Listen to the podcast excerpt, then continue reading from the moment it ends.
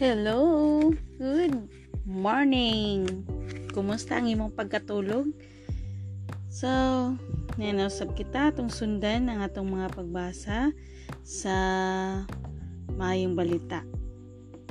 Kini si Teacher D, Teacher Daisy, Desiring for God.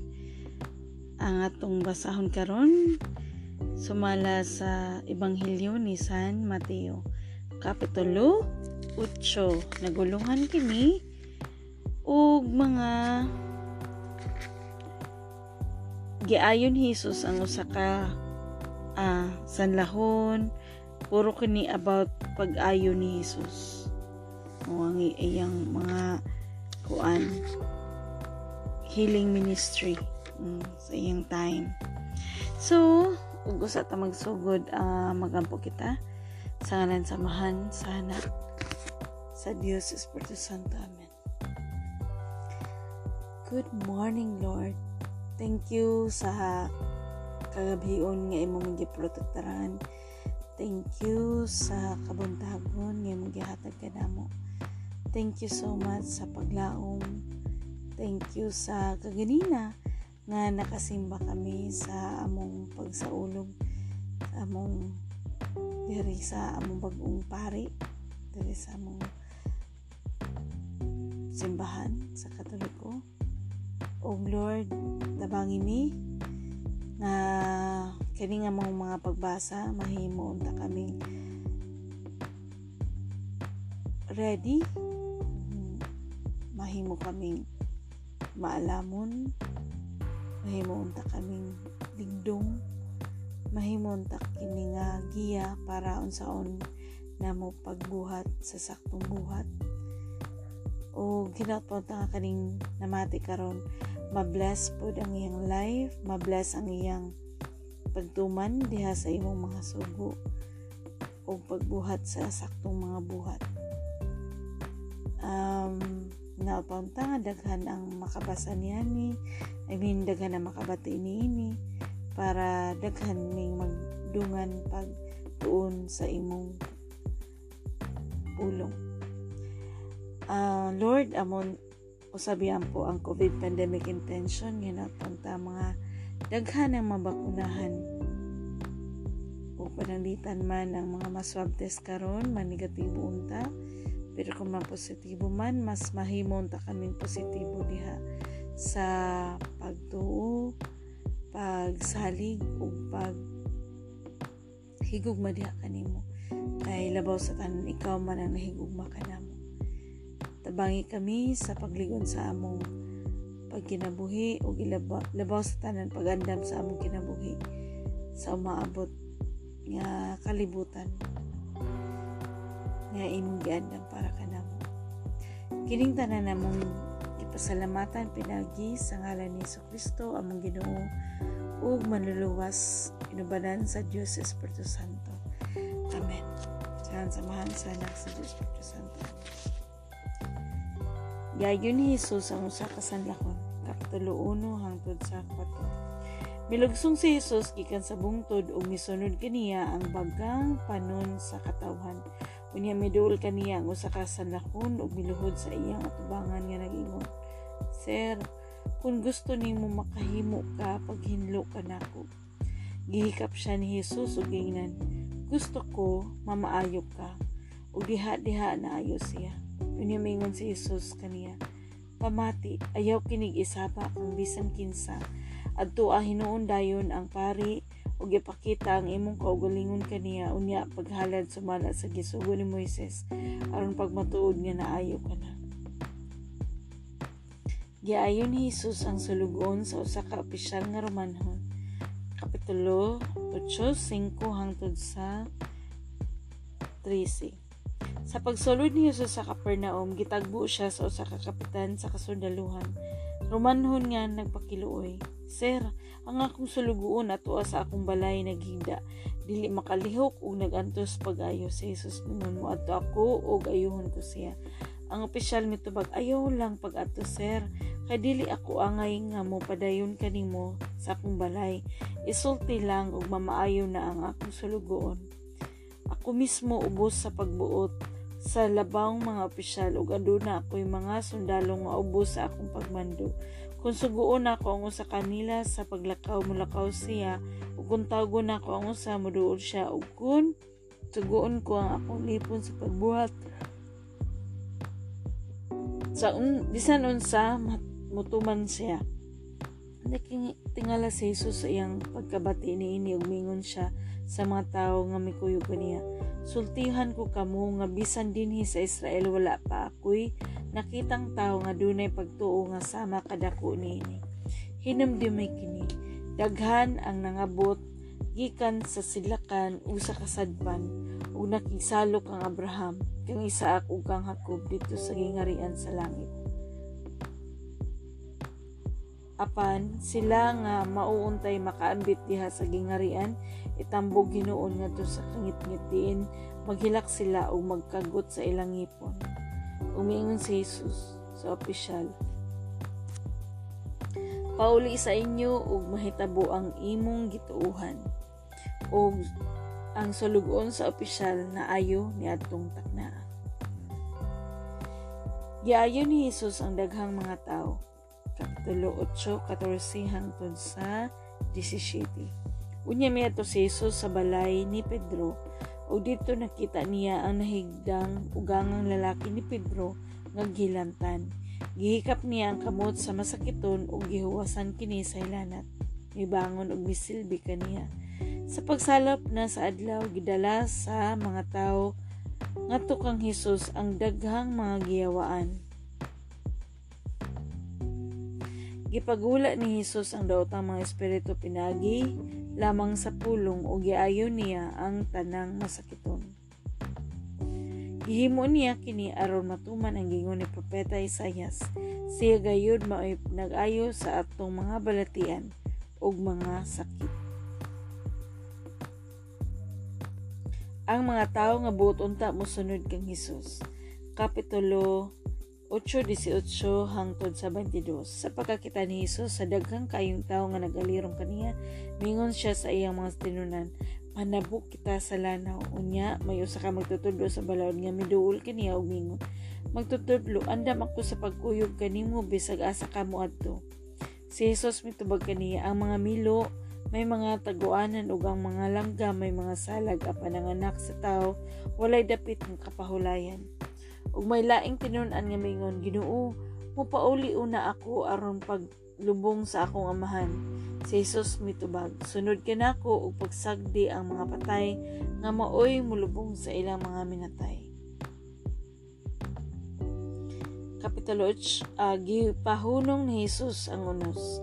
Kapitulo 8 23 hangtod sa 27 Misakay si Jesus o sa kasakayan ug mikuyo kaniya ang iyang mga tinunan Unya mikalit paghuros ang usa ka kusog nga unos ug nasudlag tubig ang sakayan ug hapit kini malunod apan ang natulog si Jesus.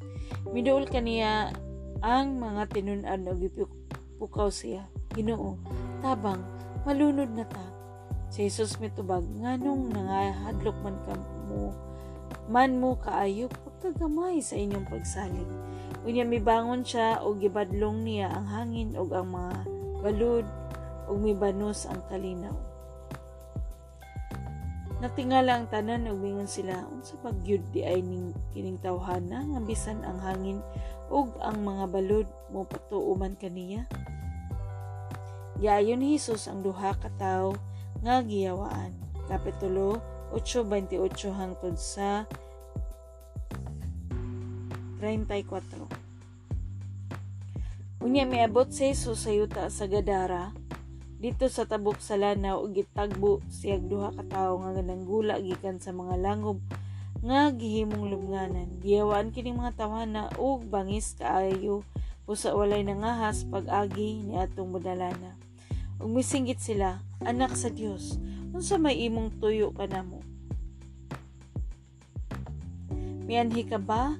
Aron pagsagit pagsakit kanamo bisag dili pa panahon Dili layo didto may usa ka panon sa mga baboy nga nanibsib mihangyo ang mga yawa kang Hesus kung nabugon mo kami pasudla kami niya ng panon sa mga baboy. Sige panulod ka mo, mingon sa Hesus. Umipahawa ang mga yawa, ug nanulod sa mga baboy. Unya ang tibuok panon sa baboy na nang lumba paingon sa pangpang ug nangambak sa lanaw ug nangalumos. Ang mga nagatiman sa mga baboy na nagan ngadto sa lungsod aron pagsugilon sa tanang nahitabo ingon man sa gidaga, gidangatan sa mga giyawaan. Tungod niini nang gawas ang tanang tao ni atong lungsura aron pagsugat kang Hesus ug sa ilang pagkakita kaniya nangaliw po sila nga bubiya siya sa ilang dapit. Okay, na nasab kita niining mga puntos nga atong tukibon. Nga rita sa permero, giayon ni Jesus ang usa ka sanlahon. Kadiba, ningon ang sanlahon. Sir, kung gusto nimo makahimo ka paghinlo kanako. Nga, tapos mingon si Jesus, gusto ko mamaayo ka. Diba sa atong kinabuhi no? Usahay, kinahanglan nato tanawon kung kung giyon sa nato pagtawag pagpangita. Kung gustohon uh, always ni siya nga reminder nato nga dili ang atong gusto kun dili ang gusto sa Ginoo. Mo na nga gigusto man sa Ginoo nga mamaayo nindot ni siya gunitan labi na nga nato nga may mga sakit.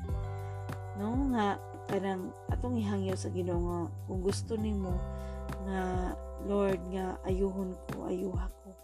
Kung gusto nimo Lord nga ako naritan yung kung tagaan Lord sa akong hingyap sa akong kasing-kasing tagay ko kung gusto ho nimo diba no? Nindot. tapos nga rita sa ikaduha kaningging harian sa langit ayaw lang pag ato sir kay dili ako angay nga mo padayon padayon kanimo sa akong balay. Isulti lang ug maayo na akong salugon. It is a humbling experience or akig istorya gihapon niya sa Ginoo. Niya kuan ba? Uh, kung tugutan nimo giya mo gihapon na in connection gihapon sa permero natong gi kuan bat bat ganina. Mo gihapon di ba? Kung gustohon sa Ginoo tapos masunod gini. Nga kanang ipasabot diri oh. Sultihan ko kamo nga bisan dinhi sa Israel wala pa ako'y nakitang tao nga dunay pagtuo nga sama kadako ni anak.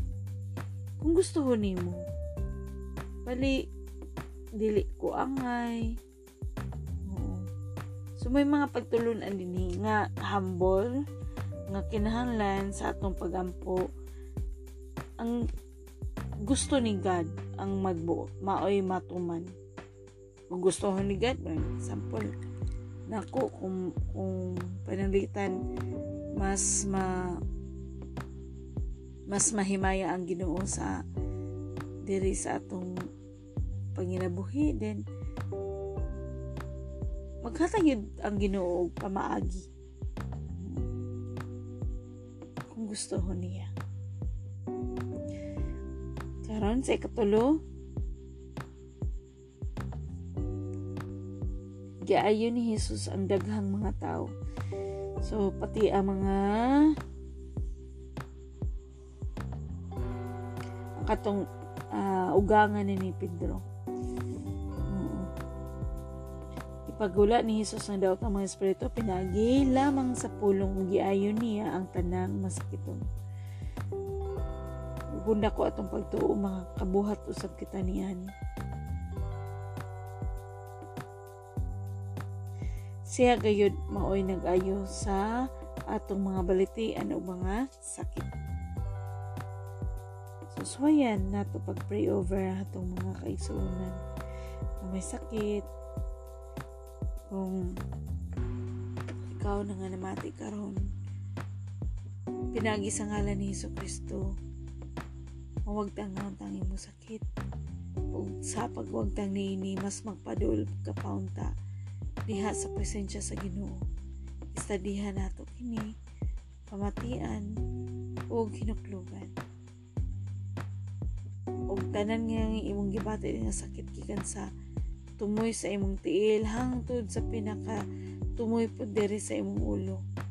pinakatumoy nga bahin sa imong kamot tuo hangtod sa wala mawala kini kining tanan among gipangayo pinagi sa ngalan ni Kristo among Ginoo so nga rin napunta sa ikaw pat. Sumibot pasag sunod ka nako o pasagdi ang mga patay nga o maoy mulubong sa ilang mga minatay. Unsa mapaglubong sa mga patay? Unsa meaning ani? Um, ang pagtuo manggod nga walay buhat patay. So, buti pa sabot ka ng kung gitawag ta sa ginoo. Kung sa may mga kakulian nato sa balay, secondary na lang na siya. Ang importante ni mo nato nga ang ginoo atong gi-please, atong gipangbuhat. Okay? Ngarita sa katapusan, hala, oy, katapusan na in fairness. Nga, ay, di second from the last pa di nani ha kanibanggin na niya ni Jesus pagkagamay sa inyong pagsalig dapat kayo dili ta mahadlok mm kay ang atong pagsalig nagbase sa atong pag-react sa mga nasa pangitabo nato sa atong palibot sama ni ining mga fisherman o mga apostolis ni Kristo. Nangahadlok sila. So tungod diyan na nakita nila ang ang divinity ni Jesus Christ. Unsa siya ka importante. Unsa siya kagamhanan. Katapusan dirita sa ang mga panuway nga nakaila anak sa Dios unsa may imong tuyo kanamo. Yan hikaba aron pagsakit pagsakit ka na mo, bisag dili pa panahon. So, naagi panahon para kanila. Karon, gikan pa ni atong panahon na hangtod karon niya apat dinhi sa kalibutan. Ug sa may rason sa Ginoo, napatay misyon. Kung siyang pagkita human na atong misyon, napaisdakan sa gawas. Na nagkinahanglan ng paggiya. Diba? Para mas maka ilhan nila og unsa or kinsa ang anak sa Dios. So kinahanglan ilo nato kay kung kung ayawa nakaila kaniya dili nato siya basta-basta nga buhian. Kinahanglan nato ilhon ang ang atong Ginoo. Ug ilhon po nato ang ang iyang kaaway. Unsay mga mga pamaagi nga iyang gibuhat para kita mahilayo sa iyang presensya. Oo, nalayo sa pagsunod kaniya. Okay, so din na lang kita kutob. Dagang salamat sa imong pagpamati. Ginapanta nga ugma, puhon, mamati na usab ikaw. Ug sa tamahuman atong ang puhon nga mahanamo, maghimaya og himaya samahan. Amahan namo nga na sa langit, balaano ng imong ngalan, maghari ka kanamo, ug tumano ng imong pagbut. Dili sa yuta sa mga ituman kini dito sa langit. Ihatag ka namo ang pagkaon niya among gikinahanglan karong adlaw. Ug pasaylo kami sa among mga sala sa mga kami nagpasaylo sa mga nakasala ka namo ayaw kami itugyan sa mga pagsulay. Lusay noon kami gikan sa dautan kay imo ang ingarian ang gahom ug himay hatod sa kalungkuran. Amen. Magimaya ka Maria na puno ka sa grasya. Ang ginoong Diyos mo na kanimo blani ka sa mabaytanan. Blani mo sa bang bungas siya mga sa Jesus. Santa Maria ka sa Diyos nga po po mga kasasala. Karoon sa oras sa mga pamutayan. Himaya sa man sa anak sa Diyos po Santo. May sasunod din ko sa yapan sa putayan. Ug ato ning isabat kay ako anak sa Dios samahan pinagi ni Kristo Akong ginoong maluluwas sinabanan sa Diyos Espiritu Santo. Ako mahigugmaon. Ako may pagtuon. Ako may paglaong. Ako mapasayloon. Ako magmapasalamaton. Ako magmanggihatagon. Ako responsable sa istorya. Ako magmatumanon sa subo. Ako magmadayigon. Kining tanan ang mga pangayo. Salamatan pinagi sa ngalan ni Kristo. Amen. Sa samahan sana sa Diyos Santo. Thank you. Thank you for listening. Padayon lang ta. padayon ta pagligon, padayon ta pag-study. Bye-bye!